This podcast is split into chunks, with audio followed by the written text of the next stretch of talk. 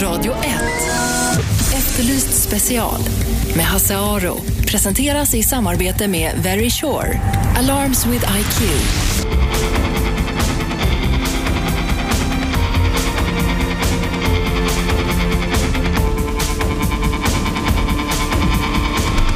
Välkomna till Efterlys special. Är pedofiler människor? Ja, i vår kultur så kan man nästan eh, tro att de inte är det. Vi ska prata om pedofiler om en liten, liten stund här efter vi special. Först några snabba notiser ur nyhetsflödet idag. Anders Bering Breivik, massmördaren, utsattes för en skoattack idag under rättegången. Det var en eh, av åhörarna, en ung man som reste sig upp och kastade en sko med full kraft mot Breivik. Go to hell, you killed my brother, skrek han. Eh, mannen fördes ut ur salen och skon träff, träffade inte Breivik utan hans advokat. Man tog en paus och sen fortsätter man med rättegången. Och i eh, så Sune Reinholdt, Sonas sparkade statsdirektör fälldes idag för mutbrott i det här stora arenamålet.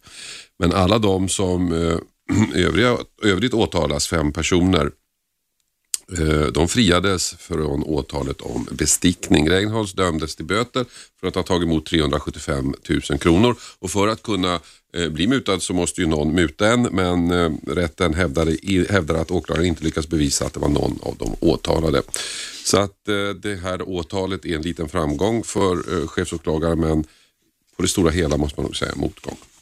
Nu ska vi prata om pedofiler och sexualförbrytare. Börje Svensson är Eh, legitimerad psykoterapeut och har kommit ut med boken De mest hatade om pedofiler och andra sexualbrottslingar.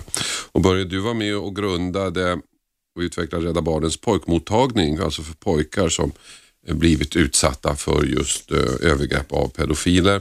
Och sen har du eh, senare jobbat med vuxna förövare så att du säger att du kanske är den enda i Sverige som jobbat både med förövare och med offer. Och sen jobbar du också nu eh, på Norrtäljefängelsets sexualbrottsavdelning en dag i veckan. Så att du, det här är ett ämne som du då har grottat ner dig i och varför skrev du en bok? Ja, det är av flera skäl. Eh, dels eh, ett personligt skäl att när, man, när jag arbetar med så här känslomässigt svåra saker så känns det som en hjälp att hantera det tar ett steg bakåt och distansera sig och reflektera över ämnet. Så har det varit med de tidigare böckerna också. att eh, eh, Man kan börja titta på mönster och på ja, man är inte så nedsjunken, man har näsan över vattenytan. Mm. Det är det ena skälet. Det andra skälet är att jag verkligen har funderat över hur kommer det sig att eh, sexualbrottslingen är, är de allra mest hatade. Att det inte finns någon, något eh, någon framtid för sexualbrottslingar mm. även när de kommer ut efter fängelse, att de är så jagade. Det är ett fruktansvärt brott, det är ingen tvekan om det. Men det finns andra fruktansvärda brott, typ eh, mord och så vidare. Kan du flytta mikrofonen lite närmare munnen? Ja, där de ändå får en ny chans att, eh, att eh, komma tillbaka till samhället. Vi ska prata mer om det eh, eh, om en liten stund, det här med samhällets reaktioner. Men vi, vi stannar kvar där lite grann. Du har träffat eh, eh rätt många pedofiler, eh, sådana som är dömda. Vad kan du säga om dem? Som människor? Ja, eh, när man läser om ett brott, då är man ju liksom, blir man uppfylld av att då likställer man ju ofta personen med brottet, för det är det man läser om. Men när man träffar dem så, är, så ser man ju någonting mycket mer än brottet. Man ser människan bakom brottet och då är de ju väldigt olika kan man säga. Alltså det gemensamma det är ju att de eh, har en sexuell dragning till och känner sexuell upphetsning för barn som inte har puberterat. Och sen eh, eh, kan ju det levas ut på olika sätt. Om man är pedofil och sitter i fängelse, då har man ju levt ut en läggning genom att begå övergrepp på barn. Sen finns det ju många pedofiler som eh, inte lever ut den läggningen. Det är ju en psykiatrisk diagnos att vara pedofil. Det är ju inget brott i sig. Eh, så att det, det är stora olikheter man möter när man möter människan bakom brottet. Men du, eh, varför, varför ska man förmänskliga pedofiler? Vad, vad, vad har vi andra att tjäna på det? Ja, jag eh, tänker att om man, eh, om man har en, ett förföljande om man tillämpar ett förföljande hat mot pedofiler även efter de har eh, suttit av sitt straff, så är det risk att de inte kan söka hjälp.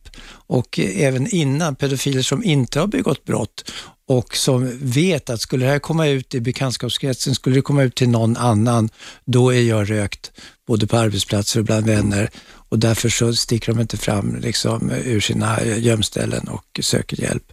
Och det är olyckligt för då kanske många av de här skulle kunna bli starkare i att avhålla sig från att begå brott. Mm. Alkoholister till exempel, de, är, Eh, de botar man ju inte heller utan man hjälper dem att avhålla sig från alkohol. Och de, där finns det möjlighet att gå i grupper och AA-grupper och så vidare. Det skulle man ju önska att, eh, att pedofilerna skulle kunna få göra för vår egen skull och för våra barns skull. Menar, du menar att det är, så, det är så tabu att vara pedofil så att även om man inte har gjort någonting, om det bara finns i huvudet så törs man inte berätta det för någon? Absolut inte. Det är ju, eh, det är ju en stor hemlighet. Det är ingen som har den läggningen som vågar berätta det för eh, någon i bekantskapskretsen. Mm. Eh, vare sig de har gjort övergrepp eller inte. Men du som då har träffat ett gäng av de här, mm. de har då sexuell dragning till barn. Ja. Finns det någonting i övrigt som, som de har gemensamt? Ja, när man, eh, det finns ju flera kriterier för själva diagnosen. Dels så måste de vara över en viss ålder. Man kan inte diagnostisera en pedofil om de är yngre än 16 år på grund av att eh, eh, som du vet själv kanske, så sexualiteten hos en 14-åring kan ta sig väldigt många perversa uttryck utan att det stannar kvar som en perversion. De kan hålla på liksom för att de har mycket, mycket könshormoner och lite omdöme så att det kan hända mycket för en 14-15-åring. Men när de är över 16 så kan man, så att säga, om de då har en varaktig eh, läggning, alltså en läggning där de varaktigt känner upphetsning för barn, då kan man nog säga att de är, har en pedofilläggning. Men de har ju också ofta problem i relation med vuxna. De är lite undanflyende, de känner sig socialt väldigt hemma bland barn och det är därför som en del av dem verkligen eh, söker sig till aktiviteter där de kan eh, få ha sociala kontakter med barn. Så att det är inte bara ett sexuellt intresse utan det är ett socialt intresse och eh, de är lite undandragande, lite avvaktande eller vuxenkontakter tycker jag. Betyder det att de inte har ett särskilt framgångsrikt vuxenliv? Jo, de kan ha ett ganska framgångsrikt vuxenliv. Det kan vara de som har välutbildade och det kan ju också vara sådana som är väldigt bra på att fokusera, att kunna skärma av sig, men de inte, och därför kan de se delar av människan. De kan liksom fokusera in sig på könet men inte se människan.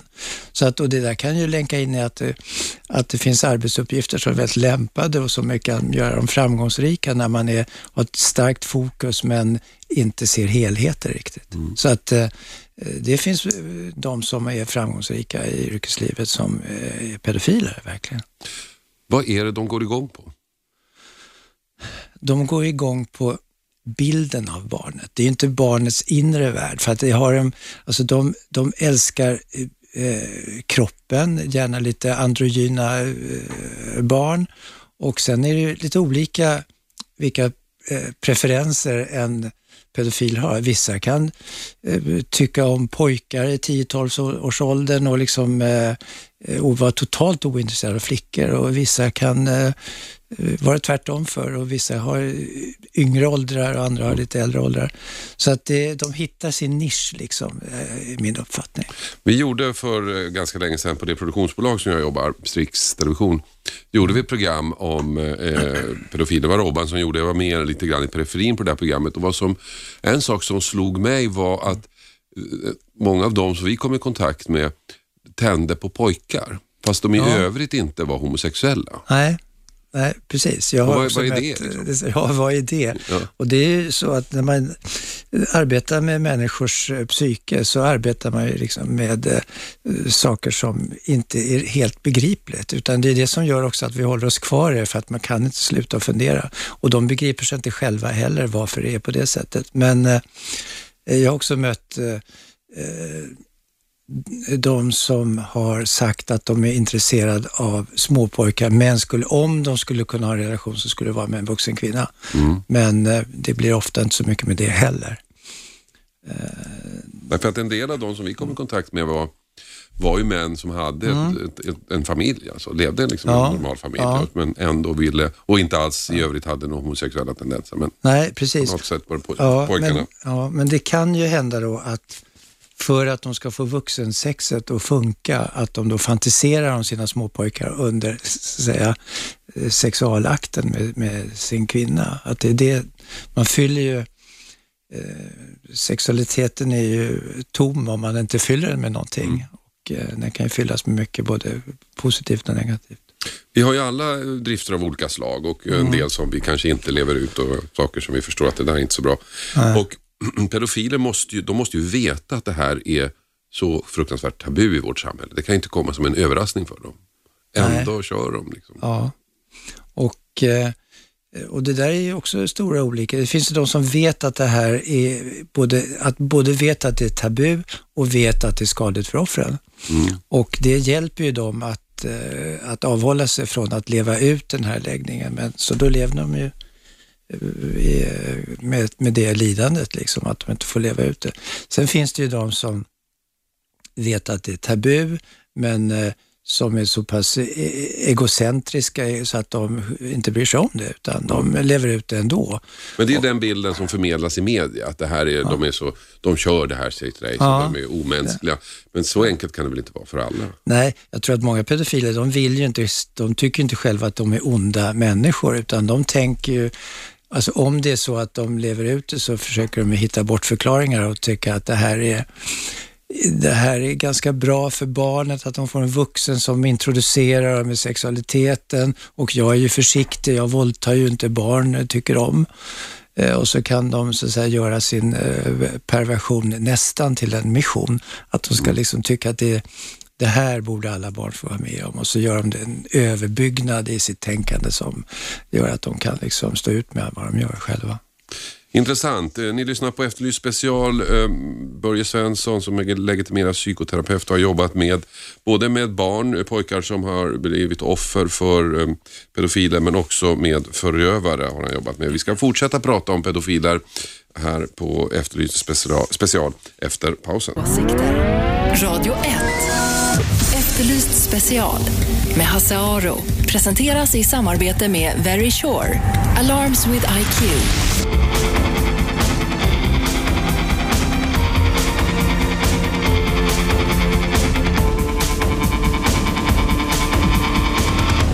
Välkomna tillbaka till Efterlys special. Vi pratar om pedofiler Eh, med Börje Svensson som är legitimerad psykoterapeut och eh, var med och grundade Rädda Barnens pojkmottagning där man behandlade sexuellt utnyttjade pojkar. Och sen har Börje jobbat med vuxna förövare så har jobbat både med offer och förövare. Och nu jobbar du också en dag i veckan på Norrtäljefängelsets sexualbrottsavdelning.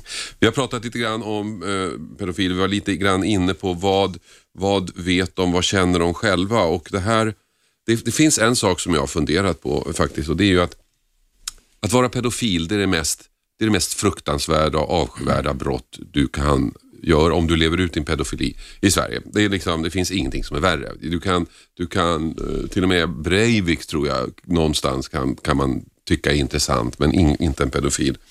Och då undrar jag, finns det någon av de här pedofilerna som kanske går igång på just det också? Att det här är den ultimata de, självdestruktiviteten, att man gör det värsta man kan göra. Eh, ja, ibland kan man tänka så också och det kan man ju tänka också med andra brottslingar att, eh, att när jag inte fick bli liksom den bästa så blir jag den värsta. Att det är bättre att vara någonting än att inte vara någonting alls. Eh, men jag tror att eh, själva läggningen tror jag kan finnas där, men sen att de, att de eh, bara liksom släpper på hämningarna och lever ut den, det kan ju, eh, det kan ju vara liksom ett, eh, både Alltså all perversion drivs ju av, en, eh, av någon slags fientlighet och någon slags aggressivitet också. Så att även om det är så, kallade snälla övergrepp så är de väldigt aggressiva. Mm. finns en aggressivitet i det. Och ibland så kan den där aggressiviteten kanske inte vara riktad precis mot det barnet, utan den kan vara riktad mot de dumma vuxna i samhället eller de kan ju vara eh, riktade mot att en själv också, att man, det lika, man har liksom gjort så mycket illa så att man kan lika gärna knuffa sig själv över stupet. Så att det, jag tror att det där det är så mångbottnat eh, psyket så att det finns så många samtida orsaker till varför man begår en, en destruktiv handling. Men en del är ju eh, att man eh, ger upp och tänker att jag är inte värd bättre. Jag, jag har ju träffat pedofiler som har gjort väldigt, så att säga, de har ju jag kanske tittar på barnporr, men de har inte gjort fysiska övergrepp på någon, men som får så starka skuldkänslor så att de liksom skulle vilja bli inlåsta eller vilja ligga i tvångströja. Eh, mycket aggressivt, alltså negativt tänkande om sig själva också. Mm. Så att hela skalan finns det. finns det ju de som absolut eh, är exakt tvärtom, som verkligen inte tycker att det är något fel på dem själva. Mm. Hur, det, de pedofiler man, det, man läser om och som, som det skrivs om, det är ju sådana som har levt ut eh, sina begär och mm. begått övergrepp. Hur många, vad, vad är förhållandet mellan de som lever ut sin perversion och de som inte gör det? Mm. Det där är ju, eh, det finns ju ingen statistik Nej. på, men eh, eh, det finns en, en mottagning på eh, Huddinge sjukhus nu för eh, människor som har problem med sin sexualitet och där pedofiler som inte ännu eller har levt ut eh, och gjort några övergrepp kan komma dit för samtal och eh, medicinering. Mm. Och eh, den mottagningen, det är inte många som vågar sig dit heller, men den mottagningen finns det ju ganska många. Så jag skulle kunna tänka mig att, att det är fler som inte lever ut den än som lever ut den naturligtvis. Men går det att medicinera alltså? Ja, man kan, frivilligt går det att medicinera för att då tar man bort eh, testosteron så att man minskar... Ja, kemisk kastrering? Ja, det kan man säga ja. i, lite olika grader. Mm. Eh, det, det, kan ju vara de som vill höja medicineringen på sommaren för då är det mera frestelser. Mm. Men det går inte att tvångsmedicinera som många hävdar för att det där är jättelätt att eliminera genom att man tar anabola steroider. Mm. Så får man bort effekten av eh, så att det är därför som eh, det är ingen som förespråkar att man ska tvångskastrera dem. Utan det... Men om man, om man fysiskt kastrerar sig, går det att kompensera med anabola också? Ja, det går också att kompensera. Okay. Så att då kan man tillsätta hormoner. Så att det hjälper inte heller. Mm. Och det är bra att få säga det här, att det, ni, ni som skriker om kastrering med tvång, hjälper inte. Måste vara frivilligt. Ja, men hjälper det inte rent fysiskt? Jag menar, blir man inte impotent rent fysiskt om man kastrerar sig? Eller är det också en missuppfattning? Ja, eh, men om man tillför testosteron mm. så eh, det är inte alltid så att det är erektionen som man gör övergrepp med. Jag, jag kan inte svara på det om man Nej. får erektion eller inte. Eh, vad är det då som skiljer en pedofil som lever ut? Vad, vad, vad, vad kan, mm. vad, kan få, vad, vad kan trigga en pedofil att leva ut? Det är ju trots allt stor skillnad på att titta på bilder och begå ett övergrepp rent fysiskt.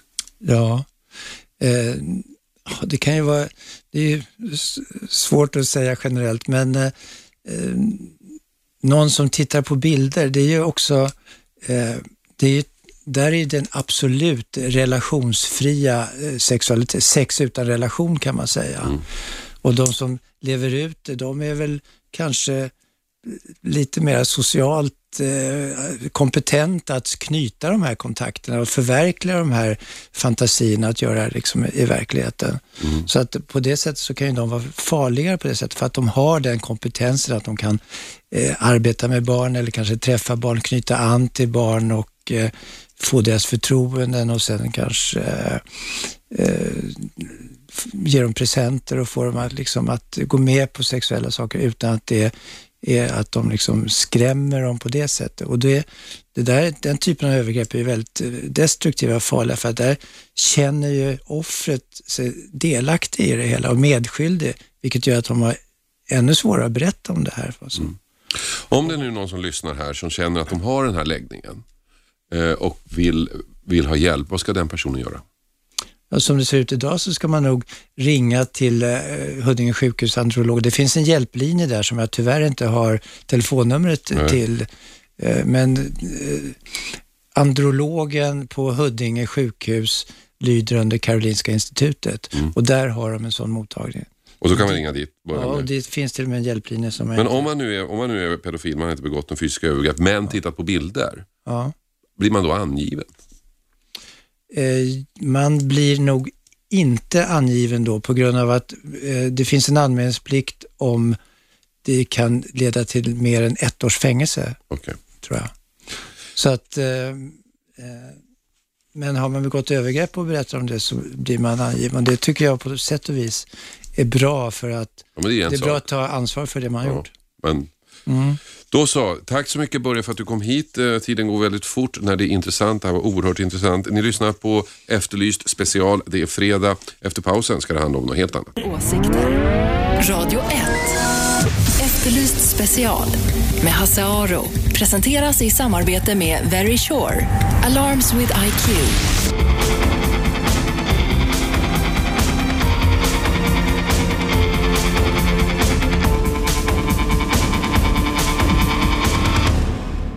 Välkomna tillbaka. Efterlyst special. Radio 101,9 eh, lyssnar ni på. Det är fredag. Jag har fredagsgäst här. Ni som brukar lyssna på det här programmet vet att jag eh, har en förkärlek för kriminalförfattare. Eh, och särskilt sådana som inte lever på sitt författande men ändå drivs av någonting annat som jag inte riktigt vet vad det är och försöker ta reda på. Turen har kommit till Jonas Moström, en läkare i Stockholm som har skrivit sju böcker. Välkommen. Tackar, tackar. Sju böcker, det är ganska mycket. Ja, jag har börjat få upp farten nu här. Hur lång tid tar det för att skriva en bok? Eh, nu I början så tog det två år mellan varje bok, eh, men då jobbade jag ju eh, 75 procent som husläkare, så nu har jag trappat ner och jobbar halvtid som läkare och halvtid eh, som författare. Så nu eh, ger jag ut en bok per år. Din senaste bok, eh, berätta om den. Den är, heter Stryparen och eh, kommer då imorgon. Och, eh, det är en eh, klaustrofobisk thriller som eh, utspelar sig som de andra då i Sundsvall och eh, till stor del på sjukhuset där. Eh, jag har en läkare och en eh, polis som huvudrollspersoner. Och I den här boken så eh, drabbar den värsta snöstormen i mannaminne Sundsvall och sjukhuset blir för tre dagar helt isolerat från omvärlden. Det är lite såhär, det låsta lummets eh, Ja, precis. här, Det är en variant på det här ingen kommer in, ingen kommer ut och så händer det Precis. grejer här inne. Och så börjar någon strypa både pa eh, patienter och personal där inne.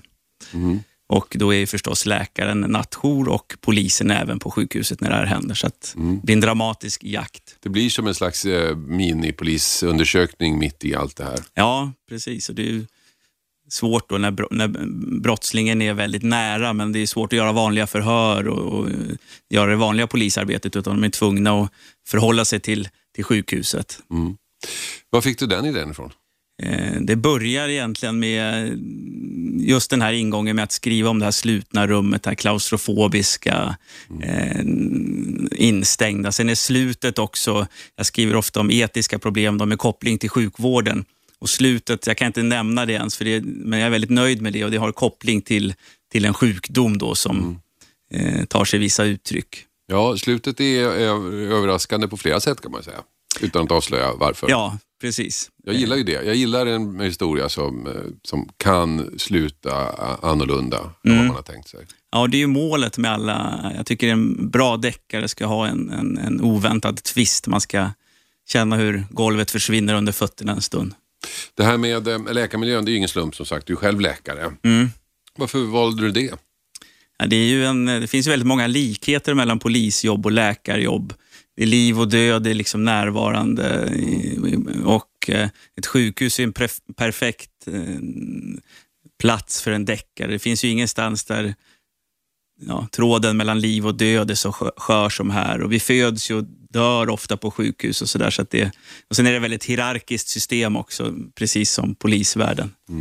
Och så är det väl också, jag menar sjuk, du säger att det, det finns vissa likheter och en likhet är kanske när någon har en komplicerad sjukdom och man måste utreda vad, vad, vad är det för sjukdom den här personen Ja, precis. Det finns ju såna här fallet med den förstorade mjälten och då, det är ju, som doktor är det också ett detektivarbete att, att ta reda på vad som ligger bakom då.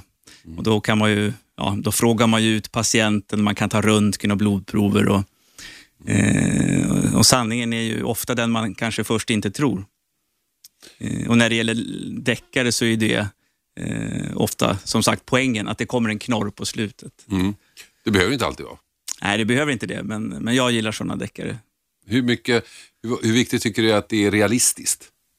Eh, jag skriver nog väldigt realistiska sjukhusskildringarna och sådär. Jag tar ju mycket från det jag upplevt själv och så. Mm. så eh, det, jag gillar när det är vardagsrealism och man liksom även kan förstå brottslingarna och handlingarna. Så man kommer till dig eh, som, i, som patient så kanske man hamnar i en av dina böcker som, som ja, mördare till och med? Eh, det eh, har väl inte hänt. Det, man, man, kan använda drag och, och karaktärer hos vissa personer man möter, men ofta blir det ett helt annat sammanhang än Ofta är det historien som styr vilken typ av person och så där man stoppar in. Din, din läkare bor i Östersund, din huvudperson. Sundsvall. Sundsvall, Sundsvall. Förlåt, förlåt. För oss här i Stockholm är det same same. Ja, men inte där uppe. men det är ingen slump eh, att du förlägger berättelsen till Norrland i alla fall? Nej, jag, dels har jag gjort, eh, jobbat två år på sjukhuset i Sundsvall. Sen kom jag ursprungligen från Bräcke i Jämtland. Så att det är ett trevligt sätt att besöka Norrland på och skriva om den här. Mm. Varför, varför förlade du inte det till Stockholm? Dels finns det ju väldigt många mm, deckare som utspelar sig i Stockholm och, sen är det, när jag skrev min första bok så hade jag precis blivit pappaledig och då, eh, Eh, då valde jag Sundsvall. Dels hade det första statliga kasinot öppnat där där den första boken utspelar sig rätt mycket på kasinot. Eh, sen är det bra att ha avstånd till det man skriver om. Man, man skriver bättre när man inte har miljön alldeles för nära inpå. Mm. Det är också en liten trend kan man säga bland de senaste årens deckare i Sverige, att man, man förlägger dem på landsorten. Det är, ja. Eh, det är Ystad, det är Gotland, det mm. är mm. Fjällbacka och, mm. och sådana saker. Så ja, det är, det är väldigt liksom... tacksamt också med den här förhållandevis lilla stan där man ändå kan gå eh, på Ikea på lördag och träffa på folk man känner. Och det, mm, allt finns ju där, men i en väldigt liten koncentrerad eh, format som gör att det är tacksamt. Det, är inte, det är inte, eh, kan inte vara begränsande ibland? Nej, jag tycker inte... Det är bara fantasin som är begränsande. Man kan, mm. Det har jag inte upplevt än. Och jag får som sagt otroligt mycket inspiration från sjukvården är ju så dramatisk och full av händelser hela tiden. så Det är ett väldigt tacksamt område att, att skriva om. Innan du började skriva deckare, vad läste du då? Eh, jag har läst väldigt mycket, mm, eller väldigt mycket har jag inte läst, men, men eh, svenska klassiker, Vilhelm Moberg, eh, Strindberg, mm. Hjalmar Söderberg. Sen då förstås väldigt mycket deckare. Eh, Håkan Nesser, Åke Edvardsson, Henning Mankell läste jag väl väldigt mycket innan då jag började skriva. Mm. Ni lyssnar på Efterlyst special, min fredagsgäst Jonas Moström, läkare och deckarförfattare. Berätta mm, hur du började skriva. Jag har alltid haft en, en kreativ ådra, så där, försökt uttrycka mig på olika sätt. Jag har spelat lokalrevy, eh, skrivit, försökt skriva pop och rocklåtar och sådär. Eh, men jag har alltid haft en dröm om att skriva en bok, eh, ända sedan jag hade en väldigt inspirerande lärare på gymnasiet, då vi fick skriva början på en bok.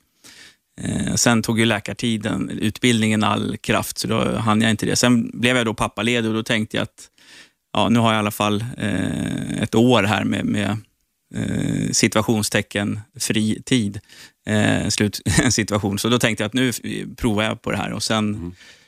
ja, sen har det liksom rullat på. Du skriver på din hemsida att du skrev när, när dottern sov. Ja, precis. Jag skrev, hon sov då en till två timmar varje dag. Då, då eh, lät jag eh, tvätten och ligga och stängde av telefonen och jag är väldigt fokuserad när jag bestämmer mig för det. Mm. Eh, du sa att du fick skriva början på en bok eh, på gymnasiet och alla säger att början är svårast. Alltså jag har ju skrivit, jag har ju börjat på 20 böcker, det är jättelätt att börja. Ja, ja, och visst. slutet är också lätt. Ja. Allt däremellan är skitsvårt. Transportsträckorna som är ja. svåra. Ja. Hur gör du rent praktiskt när du lägger upp skrivandet? Jag börjar ju ofta med, som i den här senaste boken Stryparen, då börjar det ju med en idé. Sådär, Jaha, men det här har ingen gjort förut. Eh, det här är en väldigt bra, ett väldigt bra slut. Så har jag det slutet så tänker jag, ja, men så vill jag att hela Sundsvalls sjukhus ska snöa igen så att det blir helt, jag hade den bilden framför mig. Mm. Så för jag ihop de två bilderna. Sen har jag ju mina, det är samma huvudpersoner i alla böckerna så man får följa deras privatliv och sådär. Och så tänker jag, hur ska jag föra in dem i den här berättelsen? Eh, och så lägger man på, det är lite som ett pussel, eller man ja, eh, samlar bilder. Och, Men sker allt det här i ditt huvud eller skriver du nej, jag skriver mycket, jag kör mycket mindmapping. Sen skriver jag liksom, ja, börjar, kan jag börja beskriva personer grovt och lite synops och när ska det utspelas, sommar eller vinter. Och, Ja, det är, lite, det är rätt många olika sådär moment, så att, men, men jag bygger det väldigt, det är en väldigt kul del av skrivandet när man är helt fri och kan, ganska snabbt bygger man ju in sig sen i sitt eget fängelse. Lägger du upp kapitlerna då också? Och sådana saker? Ja, visst, jag har kapitel från, från början till slut. Klart, vad ska hända? Mm, Hur slutar det? Är det något spännande? Det måste ju alltid vara någon cliffhanger helst.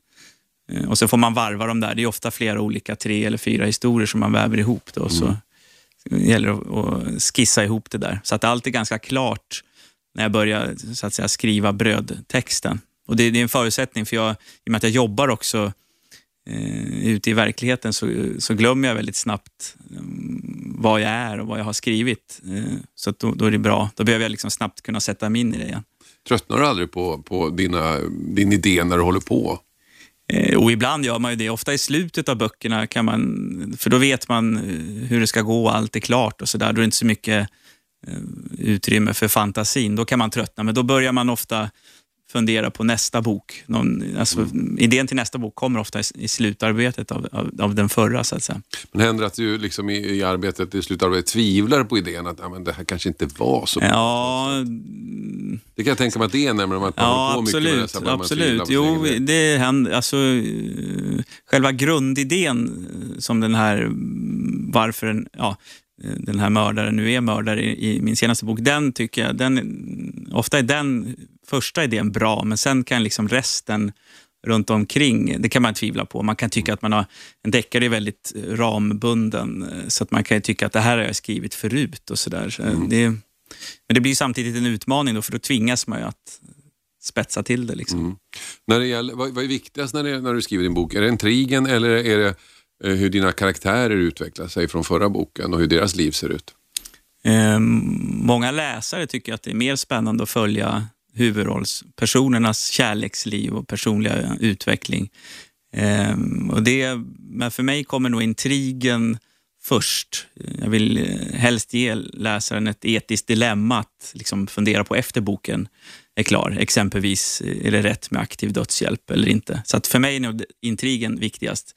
Sen kommer liksom huvudrollspersonerna, eh, det kommer liksom på köpet. Sådär. Mm, mm.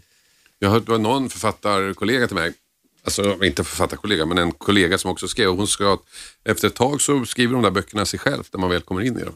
Är det något du har upplevt? Ja, absolut. Och det är en väldigt härlig... Det är ganska sällan. Ofta är det ganska hårt jobb, liksom. men, men eh, ibland så rinner det mm, till och då, då det gäller att, att se till att hålla de här vaktmästarna borta som försöker stoppa och ifrågasätta texten som man hela tiden har med sig. Utan då får man tänka att nu får det flöda fritt här och sen i nästa fas, när man har skrivit ett utkast, då kan man gå tillbaka och eh, kill your darling, så att säga. Precis, så inga tillbakablickar medan man har... Nej, Flödet. flödet. Och ofta blir det, när man känner sig för inspirerad, då blir det för utbroderande och för, eh, liksom, för mycket sen. Men det är ju lättare att kapa en text än att... absolut, absolut. liksom det är nästan omöjligt att fylla på sådär Ja. med något spirituellt. Det säger alltså Jonas Moström, författare och läkare som är min gäst här på eh, Efterlyst special idag, fredag. Eh, ni som brukar lyssna på det här programmet vet att fredag, fredagarna ägnar jag gärna åt människor som skriver deckare. I någon slags förhoppning om att jag ska, så småningom ska bli inspirerad att själv få ur med min deckare någon gång, förmodligen när genren redan är död. Eh, vi ska fortsätta prata med Jonas efter pausen lite grann om hur det gick till när han eh, förlade sin första bok. För en sak är ju att skriva den, den andra eh, är ju att övertyga någon annan om att det man skrivit faktiskt är värt att förlägga. Så stanna kvar.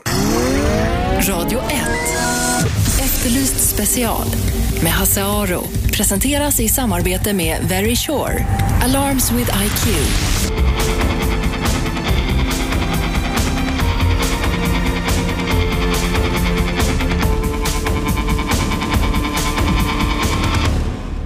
Välkomna tillbaka, Efterlyst special eh, fredagsgäst Jonas Moström, eh, författare och läkare. Eh, Och du berättade, Jonas, lite innan om hur det gick till när du skrev din första bok när du var pappaledig. Satt ner medan dottern sov och så fick du ut en bok. Det måste ha tagit längre tid än så om man ska vara ärlig. Ja, absolut. Idén fanns ju där. Den idén var också buren av en, en, en mordmetod som inte går att påvisa ens i rättsmedicinsk undersökning. Så att det var ju själva utgångspunkten för den boken. Och jag hade, den, jag hade väldigt mycket tid att fundera och, och sådär. Så, och den tog ju säkert, ja, det tog säkert tre år att skriva. Det är svårt att räkna på tid sådär. Om man, det är ofta ett utdraget förlopp. Eh, men det tog tid. Sen var det ju också knaggligt att lära sig alltså skriva. Eh, Jag hade ju ingen erfarenhet av att skriva romaner tidigare, så det var ju mycket... Men bollar du idén med någon då eller gjorde du allting själv? Nej, jag, eh, jag läste väldigt mycket. Mm, Framförallt Mankell studerade jag och sådär och liksom noterade hur han gjorde och vad som var bra. Nu tycker jag det är spännande, kunde jag känna. Ja, men hur gör han det? Och sen läste jag massa andra författare och sådär. Så att det, jag hade faktiskt anmält mig till en skrivarkurs eh, när mitt manus inte hade blivit antaget eh, vid första vändan. Men sen blev det antaget och då tänkte jag att eh, då avbokade jag kursen och köpte en bok i hur man skriver böcker istället. Men du, du skrev boken och sen så, och det, alltså, det är svårt nog men att få den förlagd är ju inte alldeles självklart. Nej, eh, jag skickade ju in den då eh, till, ja, det var väl sju eller åtta förlag. Eh, och några svarade inte alls och eh, några svarade med standardbrev. Eh, och sen var det två eller tre som skrev, då hade det gått liksom hela vägen upp till förläggaren och, och då fick jag då ett, en personlig kommentar att ja, mördarens motiv känns lite dåligt underbyggt och ja, kommentarer på texten. Eh, och det förstod jag då också, eller att då har man kommit väldigt långt, alltså då, då är det väldigt liksom nära. Eh, så det blev jag väldigt uppmuntrad av. Då tog jag alla de här synpunkterna och kokade ner dem eh, till vad jag tyckte också, så skrev jag om det. Eh, och sen skickade jag in det igen och då var det faktiskt ett förlag som eh, nappade. Mm. Det måste ha känt fantastiskt. Ja, det var det, är inga jämförelser i, i övrigt, men eh, J.K. Rowling eh, sa det, liksom det, första, det, absolut största grejen när man får det beskedet att första boken blir utgiven. Mm. Sen kan man ha vilka framgångar som helst, eh, men inget slår det. Och det blir ju också någon slags kvitto på att, eh, att, eh, att det man har gjort är bra. Ja, absolut. Det är en surrealistisk upplevelse, men vä- väldigt kul. Och därifrån så har du då skrivit eh, sammanlagt sju böcker och du sa att du nu hade gått ner till halvtid som läkare. Så att du försörjer dig på det här på halvtid. Ja, Hur ser då din, hur ser din arbetstid ut? Arbetsdag? Eh, jag, eh, jag jobbar ju i stort sett eh, varannan dag. Då sitter jag hemma och skriver. Eh, och Sen jobbar jag eh, på vårdcentralen varannan dag. Eh, och det här passar mig väldigt bra, för jag är ganska rastlös. Att jag är svårt, en gång var jag ledig i tre veckor för att skriva, men det blev inte mycket gjort på dagarna. Eh, utan det här är, ja, jag går ut och, och eh, får vara i verkligheten och får ju otroligt mycket intryck som eh, träffar mycket människor på dagarna. Sen kan jag liksom dra mig tillbaks och ventilera och reflektera över det här. Ehm, Jag skriver bäst på förmiddagarna. eh, Brukar gå upp, helst i, i den bästa världen så förbereder jag mig lite på kvällen innan vad jag ska skriva. För då kan liksom hjärnan bearbeta det undermedvetet under natten och sen, sen skriver jag ja, så länge jag orkar och sen gör jag, tränar eller gör något annat och tar en paus och sen skriver jag lite grann till och skissar vidare på nästa. Vad ger det, det det här skrivandet? Det ger det inte fullständigt ekonomiskt oberoende uppenbarligen. Nej, nej, absolut inte. Eh, jag skulle inte vilja skriva på heltid heller. Mm, av eh, anledning att eh, det skulle bli det är för ensamt arbete. Liksom. Eh, men det, det ger ju tid till reflektion, man kan fundera över saker man upplever. Och sen är ju ja, författarvärlden är en helt annan värld än, än, än läkarvärlden. Bara att sitta här är liksom väldigt spännande för mig. Ja. Det hade du kanske inte gjort om du bara var läkare. Nej. Om du inte hade gjort bort det på, väldigt, Förhoppningsvis inte. på något allvarligt sätt. Du, eh, men ni är ju ett gäng och jag har ju träffat rätt många nu som skriver böcker och tjänar en del pengar på det men ändå inte så att man eh, kan helt leva på det. Och Varjulander var här Mm. för en tid sedan. Han är en av dem och han har någon slags hemlig deckarklubb. Är du med där? Eh, ja. Och ja, alltså klubb, det är väl, eh, vi brukar ha, eller det är såna personalfester ibland. Eh, det är väl den delen av klubben jag känner till i alla mm, fall. jag tror att det inte är så mycket mer än Nej, så. nej. Utan, eh, han berättar att det är ganska ensamt att skriva och Ja. det är ju väldigt tråkiga personalfester om man är själv. Ja. Men eh, när du träffar andra, kan du se att ni liksom har, det finns någonting gemensamt hos er alla som gör att ni faktiskt gör det? För det här kan ju också bitvis vara rätt tröstlöst. Ja, det var en bra fråga. Ehm, ja, någon slags vilja att ehm, utforska världen. Eh, ehm, betraktare, eh, kan man väl säga. Det är, ehm, många är väldigt trevliga och sociala, förvånan, förvånansvärt trevliga och sociala med tanke på att det är ett väldigt ensamt Ja. yrke. Eh, men inte mer än så. Vad, vad, vad drömmer du om när det gäller skrivandet? Ja, det är klart man drömmer om att... ehm, eh, det är många som har sagt att det här borde bli tv-serie, film. Det vore ju fantastiskt kul om man filmade Sundsvall och kombinerade då den här sjukhusmiljön. Det finns ju otroligt mycket tv-serier i sjukhusmiljö eh, och sen finns det ju mycket deckare, men det finns liksom ingen som kombinerar det Det här det faktiskt inte. så tydligt. Så det, det är väl nästa stora dröm. Mm. Att SVT ringer och ska köpa det här. ja. Eh, du, nu jobbar du varannan dag, men innan du kom dit så att säga, fanns skrivandet med dig då när du var ute på ditt läkarjobb eller kunde du liksom hålla isär de här?